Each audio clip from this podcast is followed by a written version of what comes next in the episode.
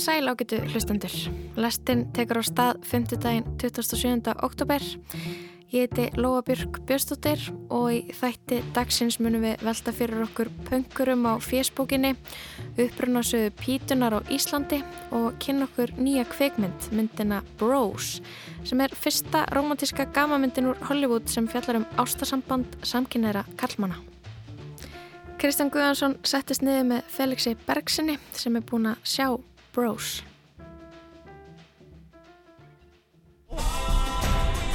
Let me tell you what's progressive now. Being alone. I love my life. I love my freedom. I love my independence. That's kind of sad. That I don't want to be in a throuple. I don't even want to be in a couple.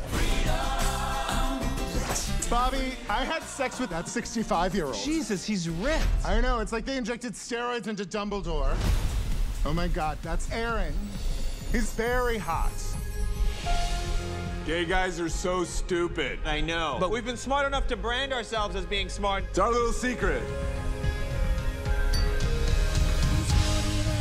You met a guy? I don't think I'm his type. He's like gay Tom Brady. What are you into? One of these ripped idiots with no opinions? No, I'd like someone who's physically very frail and won't stop talking. Núna í vikunni verður frumsýnd á Íslandi romantísk gafamynd sem að nefnist eh, Bros, mynd eftir þá Nikolas Stóler og Billy Eichner. Felix Bergson, þú ert búin að sjá þessa mynd, um, kannski bara alltaf að byrja með, hvað er svona merkilegt? Þetta er nú, þetta er ekki bara alveg hefbundin Hollywood romantísk gafamynd. Nei, þetta, já, sko, hún, þetta er romantísk gafamynd og í rauninni í mjög hefbundnum stíl en, en uh, aðalsöguheitunar eru samkynneir menn og þarna tveir homar og, og það er það sem ger hana aðtilsverða því að þetta hefur bara ekki held ég gerst áður í svona, svona, svona, svona stóri útgáfu e, frá, frá stóri kvimduverunum Ég meina við höfum auðvitað séð fullt af uh, myndum um uh, hins einn samfélag um, já. um, um samkynneigðar ástir og svona. Já. en það hefur alltaf verið einhvern veginn svona minna kannski meira indie og arti og, og svo leiðis Já ofta tíðum að fors, forsendum einhverja annara heldur en hins einn listamanna. En það er þó þessi Billy Ackner er sem sagt er, er homi sem að hana, hann er og leikur aðlutikið og skrifar raunni myndina. E, og þessi Nikola Stoller fær hann inn í þetta verkefni hann er orðin heilmikið stjarnar í bandaríkjanum þessi Billy Eichner leik til dæmis eh, Tímon í, í, í, í nýjútgáðinu af, af Lion King. Einhverju getu kannast við hann úr þáttunum Billy on the Street. Hey guys, it's Billy Eichner and this is Funny or Dies Billy on the Street a music and pop culture game show. Get... eða þáttunum Parks and Recreations. I know I don't look the part but I know everything about wine and I will prove it. My name is Craig Middlebrooks and this is my debit rewards card og hann færi rauninni að gera þetta svolítið á sínum fórsendum, handritið er á hans fórsendum og í rauninni handritið er hann, snýst um hann. Hann er leikur karakter sem að, þarna, ég man ekki eins og hvað hann heitir en þetta er greinilega svolítið mikið byggt á honu sjálfum. Þarna dæmdur til þess að vera þarna einn og, og, og, og tristir engum og vill ekki fara inn í samband og eitthvað svo les og svo kemur bara maðurinn í lífans sem að gjör sannlega tekur hann, tekur mm -hmm. hann með sér og þarna mér fannst þetta algjörlega frábær ræma, ef ég má segja svo. Það var bara mjög hrikalega gaman að sjá þessa mynd og þá mér fyndi, ég fór ásand eiginmanni mínum að sjá hana í bandaríkjónum í uh, lítil borg sem heitir Norfolk og er í Virginíu. Og, uh, og það var verið að sína hana í þetta stórum bíó menn svona bíó sem var næst okkur. Það var mjög nálagt NATO herstuð, herstuð sem er hérna uh, úti, út á Víðavangi og við fórum að þetta var mjög skrítu og maður ekki sagði hvers vegna í ósköpun er þessi er þeir að sína þessa mynd hérna? Og það var þannig við komum inn í bíó, mér fint bíó flott en þá voru, þá voru fjóra manneskjur sem er þarna inn í bíónu og svo við tveir og þetta voru fjóri strákar og svo byrjar myndin og svo byrjar bara fyrsta kynlífssenan og, og það var semst svona tíu myndur komnar inn í myndina þá sátum við semst tveir eftir í bíónu henni voru farnir sko Já, okay. því að þetta sko hún er hún er bara algjörlega gay og hérna en það var sko það, það sem það er í rauninni það sem er svo gott við hana sko, hún fær bara vera uh, algjörlega hérna, hins einn og, hérna, og, og hann var að ég hef heilt hann sko hlæjaði sko, fólki finnst í lægi að horfa myndir um risaðilur en ekki um samkynnaði sambönd sko. þú veist, ég finnst eðlilegra að sjá kvikmyndum risaðilur heldur en að þarna, sjá kvikmyndum samkynnaði sambönd og það, og það, er, það, það er nákvæmlega það sem gerðist mm -hmm. í bandaríkjunum því að hún floppaði rauninni í, í box office sko. Einmitt, sem er merkilegt að því hún hefur verið að fá í rauninni mjög góða dóma, sérstaklega kannski miða við romantíska gamminn og, og það sem kannski komir ekki endilega síður og óvart að eins og á Rotten Tomatoes þá sko í, í þessu sko áhörvenda skori það sem að, það sem að notendur gefa hennar bara einhvern, það er hún að fá mjög háa einhvern, Já. það sem að oft einhvern veginn myndir sem að, sem að hérna, snúast um, um, um einhver mannrinda réttlætismál hérna, floppa stundum þar sko, Nákvæmlega, þá, Nei, hérna... hún er að fá frábæra dóma og það er ekkert skrítið því að hún er askotli vel skrifið, hún er mjög vel skrifið og hérna, þetta er alveg bara algjör Hollywood framleysla, maður sér það alla leið sko. Og fer eftir öllum þeim reglum sem þar er, hún er ógæðslega fyndin, húmórin er mjög skemmtilegur í henni og uh, hann náttúrulega gerir stólpa grína hins eginn samfélaginu sko og deilunum inn í hins eginn samfélaginu. Hann notar það, eh, þarna, það er mjög skemmtilega gert þegar eh, sko, aðalkarakterin er semst að fara að setja upp svona LGBTQ hérna sapn í, í New York og er, er, er, er kúrator þar. Og á, í undirhúnsnefndinni er alveg ógeðslega að fyndin. En svo hef ég séð kritik sem að er einmitt að gaggrína það að það séu stereotýpur á ferðinni uh, að þarna þetta sé bara ástasam að tvekja kvítra sis, uh, kallmanna og þú veist það, það, það er alltaf hægt að gaggrína allt. En, en, en fyrst og næst er ferskleikin í því fólkin að við fáum bara að fylgjast með homma leita að ástinni. Og það er öðruvísi. Það mm -hmm. er öðruvísi heldur en í, í lífi þarna gagginera það er annað viðhór til kynlífs eða svona og hérna, til svona hérna, frjálslindis og opnunar og, og, og það er bara að gera hlutina askotli flókna sérstaklega fyrir þessar tvo menn. Og það er alveg ógæðslega að finna að fylgjast með því sko þegar þeir eru að prófa sér áfram í öllu þessum, í öllu þessum ævintýrum sem þeir lenda í þarna. Og ég held að, að, að margir einmitt úr hópi samkynnar og þeir sem þekki enni þá, þá veröld þarna grípum andlitið og, og þarna Jésúsi og, og hlægi sem máttlösa því þetta er alveg ógeðslega fyndið en þarna, þannig ég mæli með þessara mynd fyrir alla mm -hmm. hún, er, hún er svo sannarlega fyrir alla til að sjá en, en menn þurfa að þóla það að, að, að, að kynlífssenurnar er á milli tvekja kallmanna og ég stundum fleiri út í það er farið og þarna og eh, að þarna að það deyr enginn í þessari mynd það er líka, það, menn þurfa að setja sig það. Þetta er svona sæmilega hafmyggisamir hammar sem það eru þarna á ferðinni.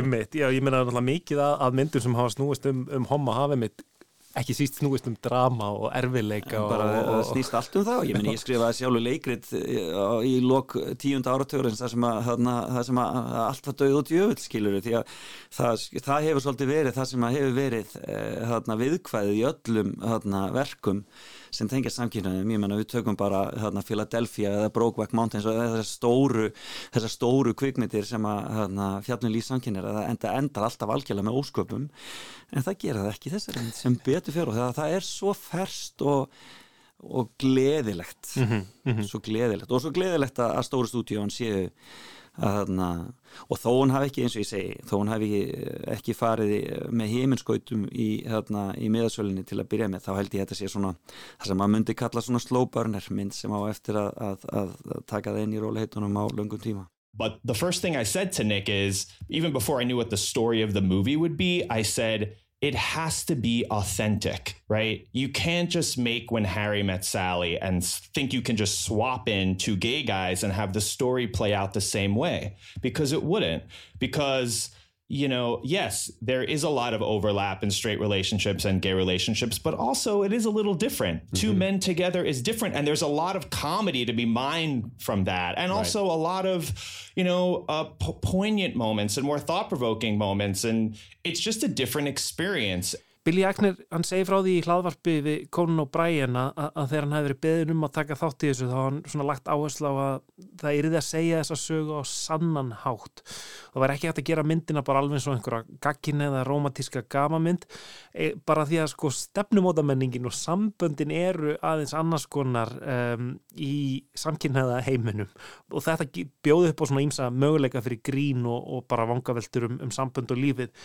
Felix, finnst þér þeim takast að sína þetta svona tilhuga líf samkynneira, finnst þér ná þessu fram? Já, ég veit þetta er bara hræðilega fyndið og, hérna, og hræðilega hallarislegt á lungum köplum og, hérna, og bara eh, allt ásamlegt sko, mm. því að þetta En, en, og, og í rauninni svo satt og svo mannlegt líka því þetta er náttúrulega bara manneskjur í leita hamingunni og, eh, og hver, hver kannast ekki við það skiluru og, hérna, og svo eru þau líka bara að leita sér að sínum stað í, í sögunni og í, í hérna, í, í samfélaginu. Og það mm. er líka mjög áhugavert sko. Eh, þessar, þessar gríðalög deilur í nefndinu um hvort að þau vilji hafa sögu Abraham Lincoln á safninu skiluru það sem að, þú veist, uh, flesti sakfræðingar heldur sér sjóðnir sammála um það að, að, að hann hafa átt í samkynniðu sambandi eða bisexual eða hvað það er, skiluru en hræðsla, þarna, hræðsla hins eginn samfélagsins við að setja það á svið er, er, er, er þarna þetta er bara, þetta er bara dásanlegt, að ég segja, það eru bara one-linerar, stöðu mm -hmm. one-linerar það er sér dásamlega setning þegar hann situr með bestu vinum sínum sem eru, eru hjón gagkin hefði hjón og við börnin sín. Og, hérna, og, og kynlíf hans ber eitthvað á góma og, og fjölskyldan fer að grínast með það og eitthvað þegar verður lítið dans úr því og þá segir hann, ó það var svo miklu miklu skemmtilega þegar, þegar gagkin hefur urðu vandræðilegir þegar minnst var á gei kynlíf skilur Hi, everyone. It's Bobby Lieber, and welcome to your favorite podcast where I talk about whatever I feel like talking about. So, these big movie producers came to me and said, We want you to write a rom com about a gay couple. Something a straight guy might even like and watch with his girlfriend. Gay guys are my jam. Awesome. Something a straight guy might like? Am I gonna be in the middle of some high-speed chase then all of a sudden fall in love with Ice Cube? Am I gonna get... Þannig, þannig að myndin er svona að um, kommentera er að, er að hérna, velta fyrir sér hvernig uh, já, þegar samkynneið er orðin já, mainstream í raunni í, þegar, þegar hún er orðin um, húsum hæf í, hver er staðin? Nákvæmlega, í raunin er það þannig og þarna E, og já, já og, og sko, ég hef heyrt kvarta yfir því að, að, að hann er að gera grín sko, gera grín að eldri myndum og fyrri verkum um lífsamkynnera en ég meina það má bara alveg gera grín að því og, og hana, hafa það aðeins í flimtingum sko, mm -hmm. það er bara ekkert mál. En e, já, já maður, svona, hluti af því er þetta þegar við erum orðin mainstream þarna, veist, hvað þá næst skiluru mm -hmm en ég held að viðtökurnar við myndinni síni einmitt að við erum ekki orðin mainstream. Það er eiginlega það sem að þarna þannig að við erum ekki orðin hluti af menginu mm -hmm. algjörlega það, það, fólk er ekkert endilega tilbúið að, að, að kíkja og upplifa líf okkar á þennan máta þannig að það er, það er mjög áhugavert og mjög aðteglisverst og kemur mér í rauninni ekkert á óvart þannig að ég menna við, við baldur minn við rættum þetta eftir sko, hvernig ósköpuna datin í huga þetta þessi mynd getur orðið einhvers konar mainstream bomba því að það, það getur hún ekki sko. mm -hmm. og en eh, ég vona að hér á Íslandi þóri fólk og, og, og, og ég vona að gagginu pörð þóri að fara og eiga romantíska stund þó að aðalsögu hetjuna séu ámar en, en það er svo skrítið svona einhvern veginn um, svo hugmynda að við getum ekki einhvern veginn sett okkur, eða getum ekki speiklað okkur eða ekki bara haft gaman af sögum fólks sem er ekki með nákvæmlega sömu langanir og þrár og, og, og við, eða, eða, eða langanir og þrár sem bara uh, beinast að einhverjum öðrum heldur en við. Nei, nei, eða lítur út öðru sem við. Það er mjög áhugavert og ég meina fyrir okkur homana í öll þessi ár þá, þú veist, höfum við einmitt verið að sjá, sjá allar þessar When Harry Met Sally og hérna og ég skal alveg viðkynna það á einhverjum tíumpunkti fekk ég algjörlega upp í kók af þessum myndum og nefndi ekki að sjá eina enn af þeim, skiluru þannig að, en ég myndi nú kannski fara fram á því kakkina samfélagið að sjá kannski tvær eða þrjá svo þessum líf okkar áður en það, það fengir nóg, skiluru en, en, en finnst þið skipta máli að þarna sé samkynniði maður sem, sem kemur að, að handréttaskrifunum og, og það séu samkynniði leikarar sem, a, sem að leika þessi aðlutur Já, já, það er ekki spurning það skiptir gríðarlega miklu máli og hérna og kynlífsennunar eru algjörlega hilarjus en það eru svo greinilega gerðar af mönnum sem að hérna, vita hvað þeir eru að gera sko. Mm -hmm. þær eru það er alveg ótrúlega hérna, þetta er bara alveg ótrúlega vel gert og það er bara, og þessi tilfinninga það séu bara alvöru kossar og, og bara, eh, þú veist, alvöru þrá og alvöru langanir eitthvað neginn það er bara algjörlega það sem fer, kemur í gegn og það mm. er, hérna, og það skiptir bara greiðlega máli, já, það skiptir öllum máli að hann hafi komið að því að skrifa þessa mynd því að leikstjórin Nikola Stoller er, er ekki homi sjálfur og, þarna, og það bara þessi mynd hefði aldrei orðið til nema að Ekner hefði komið að þessu þannig máta. Mm -hmm. það er ekki spurning þannig að það skiptir öllu máli. Og, og ég mitti umræðinu um, um uh, hérna uh, þetta hver, hverjir eigi að leika hvað að í þessu tilfelli þá held ég að þessi mynd hefði valla gengið upp nema af því að, að þeir sem að leiða vagnin hann eru samkynniðir og þekkja kúltúrun og þekkja, þekkja þær situasjónir og, og aðstæður sem að þarna menn finna sig í. Ég minna, uh, eh, homar hafa alveg verið í, í stórum hlutverkum uh, í all, alls, konar, alls konar myndum og þáttum undanfærin ára og kannski ára tugi en, en, en oftar en ekki eru þeir einmitt auka hlutverk, Já. kannski svona oft einhvern veginn komist relief einhvern veginn hérna, einhvern veginn stereotypískir og svo leiðis eh, en, en þannig er verið að fara einhvern veginn e, ekki verið að fara þá leið, þannig er það bara aðalhutirkinn og það er bara hérna. Já, og hvorur þeirra er í rauninni ég meður hérna, ækn er náttúrulega svolítið svona flamboyant og svona New York gýðingur, tala rosalega rætt og þú veist. Eh, hinn er bara Já, svona mikið, mikið vöðatröll og, og, og, og lögfræðingur í myndinni og bara svona en, en hefur aðra drauma sem kemur í ljós. Bara, já, venjulegi kallmenn sem að, þarna eru í þessari stöðu.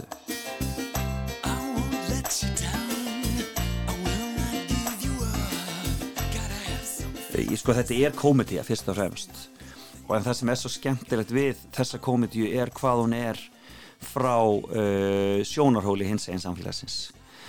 Við erum að gera grína okkur sjálfum og það er svo skemmtilegt. Felix, þú, þú mælir með hérna, brós fyrir uh, alla sem hafa gaman af romantískum gamanmyndum eða gríni og óháð kynnið. Nákvæmlega og þetta er bara gott svona rom-com á Hollywood skólanum og ekkert meira og ekkert minna en það.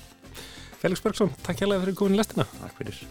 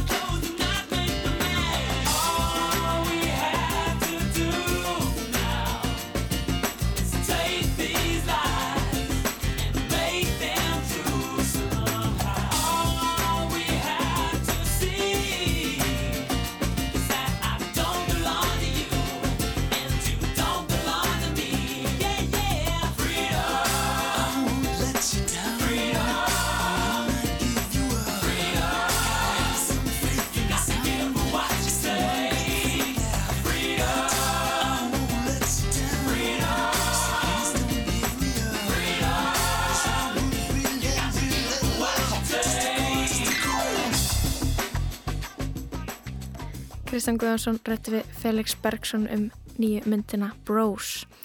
En næst ætlum við að heyra pistil frá Salveru Gullbrá Þórunsdóttur en henni er kynsluð fóreldra sinna huglegin punkarakynsluðin.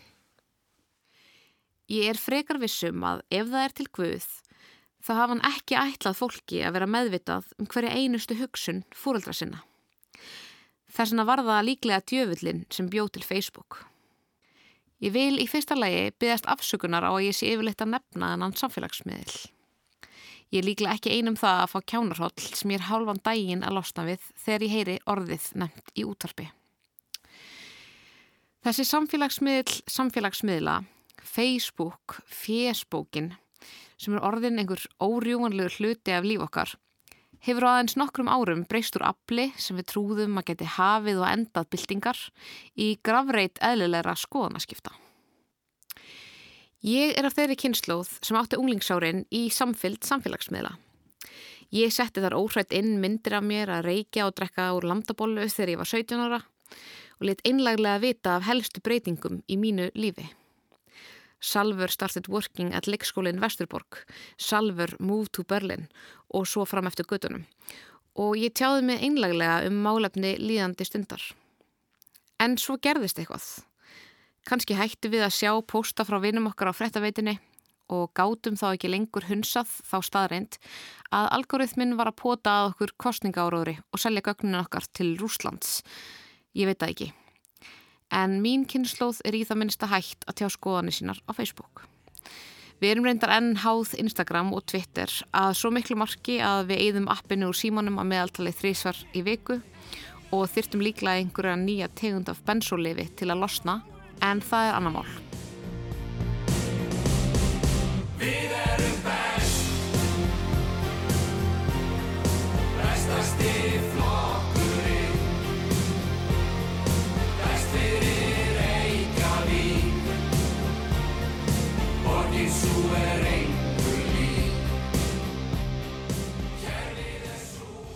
Á einhverjum tímpúti hætti Facebook að vera miðil til þess að óska frænguðinni sem þú hefur ekki hitt í fimm ár innilega til að hafa mikið með ammalið og segja öllum að þú sért í kringlunni og það sé gaman og varð bara að markastorki til að auðlýsa að þú sért að gefa út bók eða setja upp feminískan gjörning í kling og bang eða selja íbúðina eina en ekki til að bá svona pælingar okkar um daginn og veginn.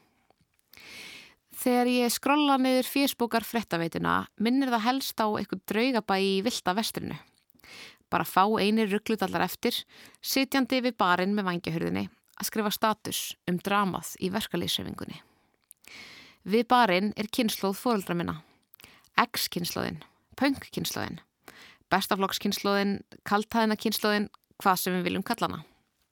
Þetta er kynnslóðin sem byrjaði unglingsárun á hlemmi en endar æfidagana á kommentarkerfinu undir einhverju frétt af fjölþreipnum leikara eða tónlistamanni að útskýra í löngu máli hvað fólk var miklu harðgerðara þegar þau voru ung og kýfti sér nú ekki upp við hvað þukl sem er.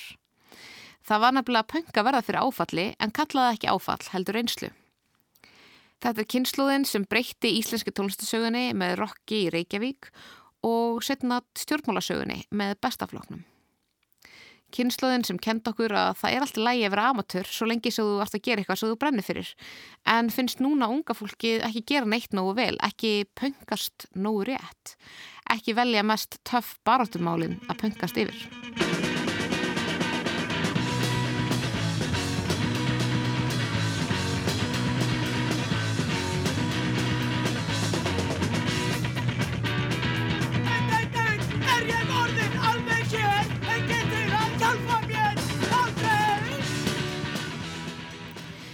Kynnslóðin sem finnst gáflegt að vera alltaf á móti, efast um allt, velta upp hinni hliðinni.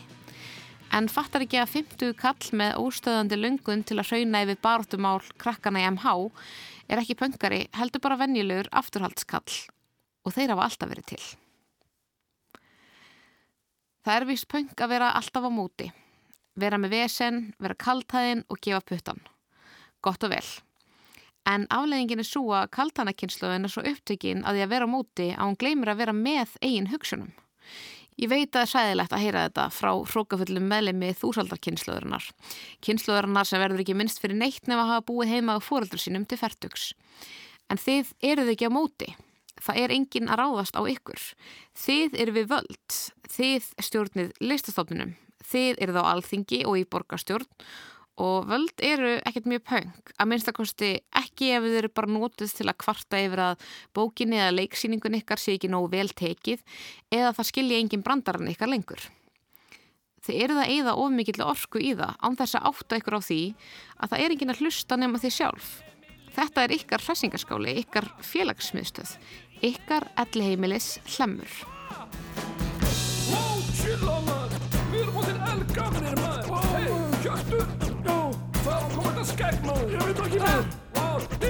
Dissa maður Þetta göfra maður Þetta er heimilisrætt Þetta er heimilisrætt Þetta er heimilisrætt Þið þurfið að skrá ykkur út og gera eitthvað annað. Alveg eins og þið þurftið einu svona að hætta að sniffa lím á hlemmi eða taka allsælu á einhverju reyfi Ég veit ekki alveg hvað var í gangi En þið þurfið að hætta að segja mér hvað ykkur finnst á Facebook. Á meðan þið skrifið aðtúarsamtir við frettir á Facebook síðu vísis.is eru svo krakkarnir ykkur á TikTok að kalla bekkjafælega sína homofóbísku meðirðum og mín eigin kynslu þarna á milli á Twitter ræða hvað allir sem eru ekki á Twitter eru vittlisir eða á Instagram að deila frettum frá Íran og finnast við hafa háð einhverja baróttu. Samfélagsmiðlar áttu að færa okkur saman en við erum sundruð.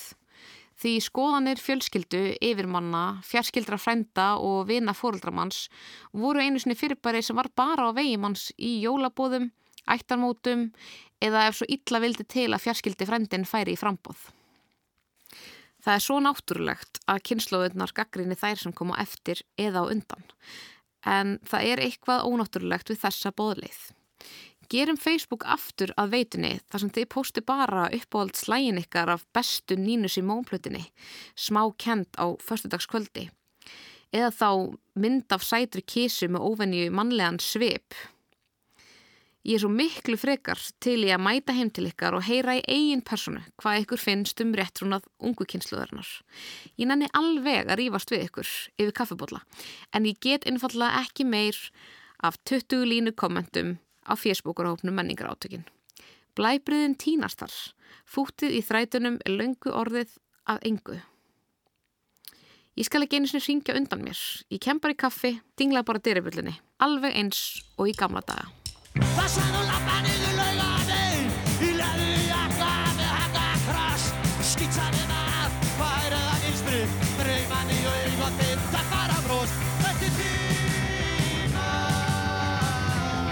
Dískan í dag er þú Reykti tíma Dískan í dag er þú Nú þykist vera hissa Ég skulle syngja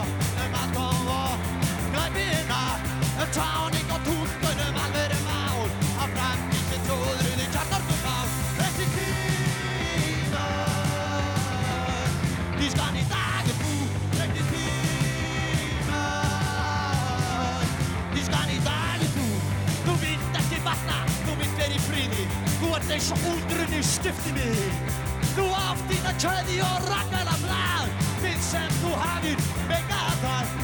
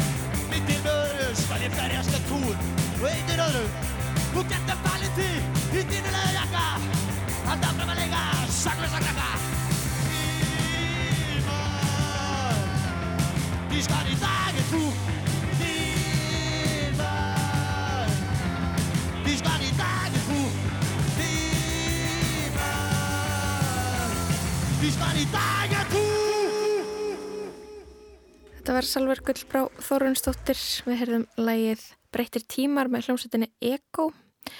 Næst ætlum við að snú okkur að matarmenningu.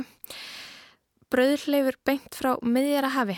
Þannig var maturinn sem borum var á borð meðal annars auðlistur þegar veitingastæðurinn Pítan var opnaður á vetramánuðum 1982.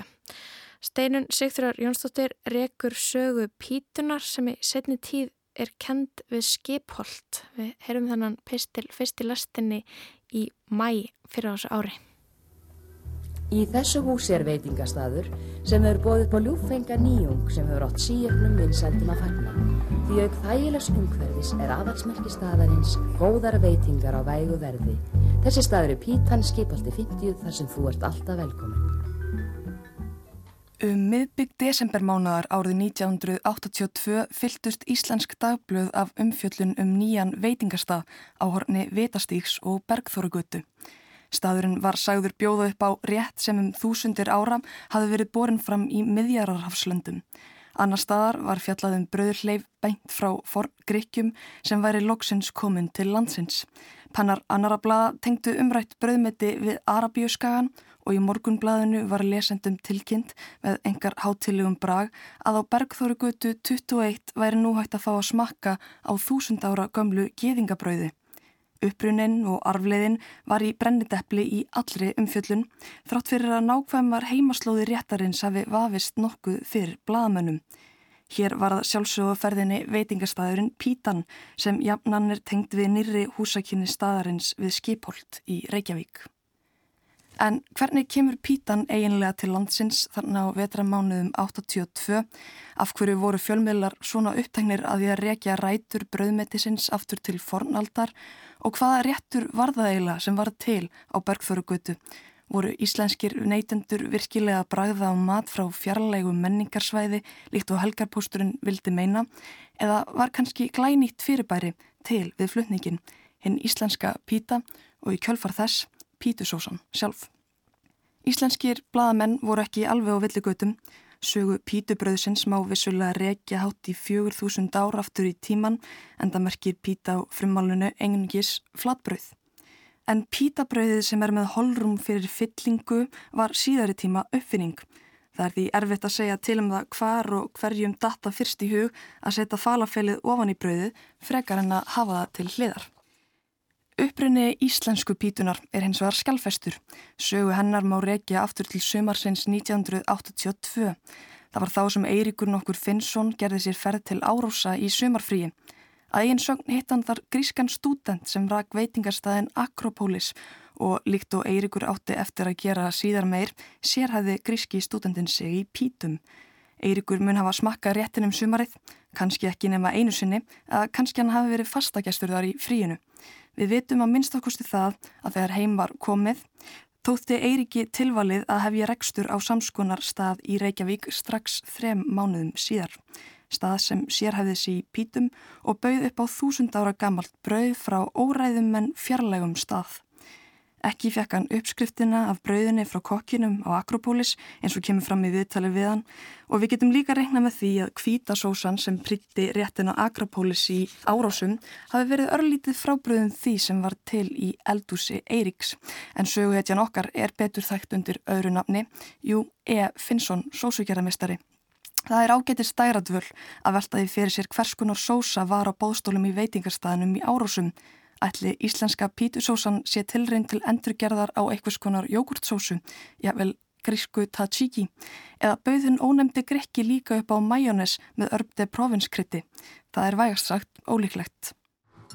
Grænmetispítur, Mexikópítur og heilsupítur. Pítan skítholti. Afsakið. Píkan skítholt. Afsakið. Hér fór þölur ekki alveg rétt með. Þetta á að vera píkan skip... Nei, nei, nei, nei, nei.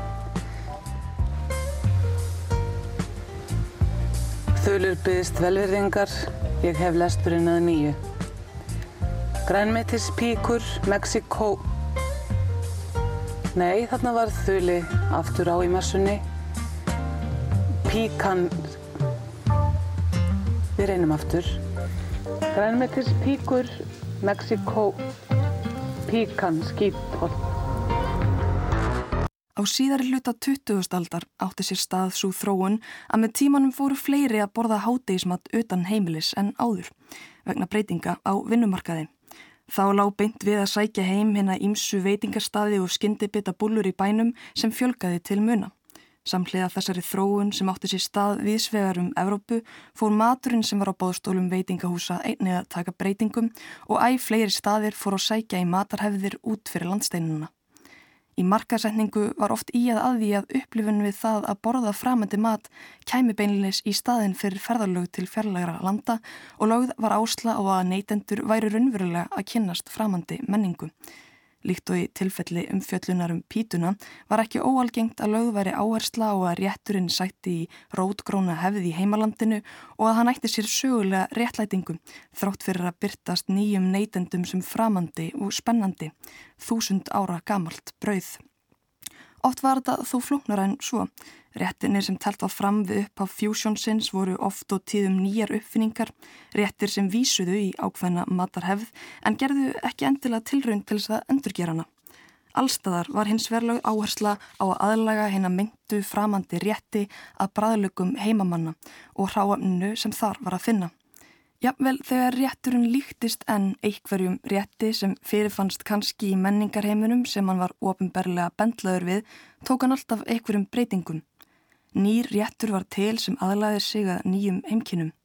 Þannig var dönerinn til í Berlín og þannig hefur rétturinn sem Eiríkur Finnsson smakkaði árásum og endurskapaði þegar hann kom heim einnig orðið til. Það sem verður til þegar Eiríkur endurgerir endurgerðina Það er eins vegar örlitið flóknara ferli og ákanski meira skilt við það hvernig ananasinn rataði fyrst á pítsu í Kanada. Afurðin minnir eftir vill helst á sín bjarkar á íslenska menningu eins og hún líst inn í viðtali á tíundu áratunum. Þar sem hún sagði Íslandinga reyna eftir bestu getu að herma eftir menningu eða ytra en það skilaði sér alltaf í miskilningi, þó fallegum miskilningi. But, um, but they, they but good music comes from that situation. Yeah, and they kind of isolated and then kind of listen, they sneak and listen to American radio. Mm-hmm. And they kind of like get sort of what's going on in Europe as well. Right. And then they kind of like misunderstand it in a very beautiful way. Oh, that's great. Það er sem sagt almenn þróun sem veldur því að pítan nefnur landa á Íslandi, rétt eins og pítsan rúmum 20 árum fyrr og takkuðu tveim árum síðar. En þessir réttir voru kannski ekki allir sem þeir voru séðir. Pítsan líktist ekki mikið þessari upprunalegu frá Napoli. Tacoið kom til landsins í gegnum ameríska hermenn og var skilgreint á þá vegu að þar værum að ræða kornbröðskjel fylta með nautaketti, fersku græmiti, osti og tacosósu. Sem sé, kannski örlítið frábröðu frummyndinni og þeirri líflegu matseld sem finna má í Mexiko. Og það sama á við um pítuna. Fátt annað en brauðið er endurgerð á þeirri matarmenningu sem hún verðist vísa í. Þrýeikið okkar Pizza, pita og taco vísa þannig í rétti með rótgróna hefð en á leiðinni til Íslands hafa þeir afmyndast eftir situr í raun bara bröðmyndið sem fær að vera samkvæmt sjálfur sér að minnstakostið að útlitinu til. Vitaskuld hefur þetta tekið nokkrum breytingum á síðustu árum og réttunir þrýr eru nú fáanleir víða á landinu í mynd sem svipar til upprunans en hinn dansk eða amerísku skotna íslenska eftirmynd verist þó ætlað að standa af sér stormin. Pítan á Bergþórugötu var að öllum líkindum fyrsti staðurinn í heiminum sem bauð upp á pítubröð með örbdi provinskryttuðu majónessi og kótilettum með börnissósu til hliðar. Ansi langt frá frumyndinni þar að segja ef við sættum okkur við það að frumyndina sé að finna við miðjararhafið. Hinn möguleikin er sá að þegar Eirikur Finnsson opnaði pítuna og setti saman matseðil sem átt að kynna nýtt bröðmeti fyrir landsmunum hafi glænýtt fyrirbæri orðið til að þar séum að ræða eitthvað upprunalegt og nýtt. Í Facebook stöðu uppferslu frá árinu 2016 stærði veitingarstaðurinn Bækjef segja mitt af því að bjóða upp á ekta íslenska pítu alveg eins hún var á Bergþórugutunni. Þar er ekki gerð tilrönd til að sækja í aðra fyrirmynd og þannig er þetta að tala um hérna íslensku pítu, upprunalegu íslensku pítuna, eitthvað skonar vísun í vísun, afskræmingu eða fallegan miskilning. En pítan er þó að minnstkosti heitt elskaður og rótgróin miskilningur.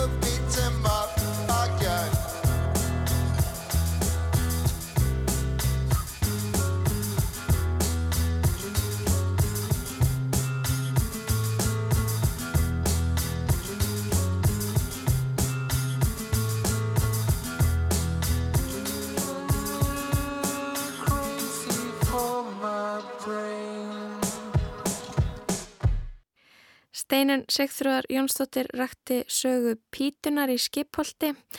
Við heyrum lægið Major Leiból með Herdoktor. Næst ætlum við að hlusta á glænýja poptónlist. Karli Rey Jepsen gátt plötuna The Loneliest Time. Sama dag og plata Taylor Swift Midnights kom út þann 21. oktober síðastliðin og druknaði platan því miður. Svo letið í því. Kanadíska popsternan Karli Rey sló í gegn með læginu Call Me Maybe árið 2012 og læginu Good Time með hljómsettinni All City sama ár. En það er spurning hvort að viðlika slagara verða að finna á þessari nýju plötu. Við ætlum að heyra lægið The Loneliest Time diskolag sem hún syngur á samt samlanda sínum Rufus Wainwright. I've had one of those bad dreams.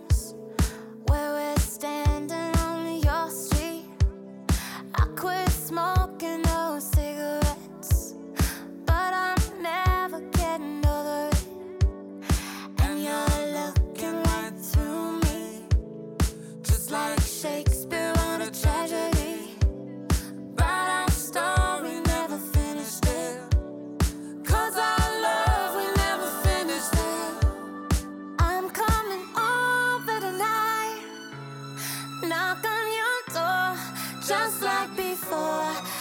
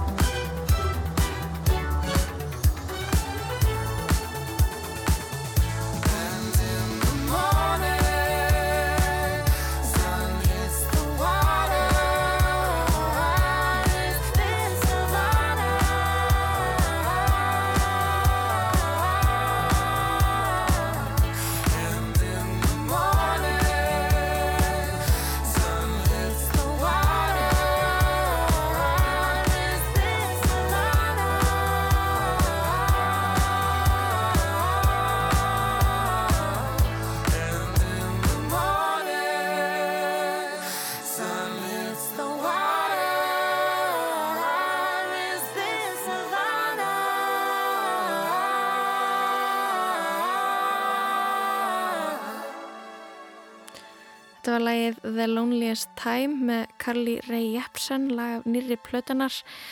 En næstu ætlum við að heyra fyrsta lag plötunar, lag sem ég hef fengið á heilan eftir að hafa spilað nokkru sinnum. Þetta er lagið Surrender My Heart.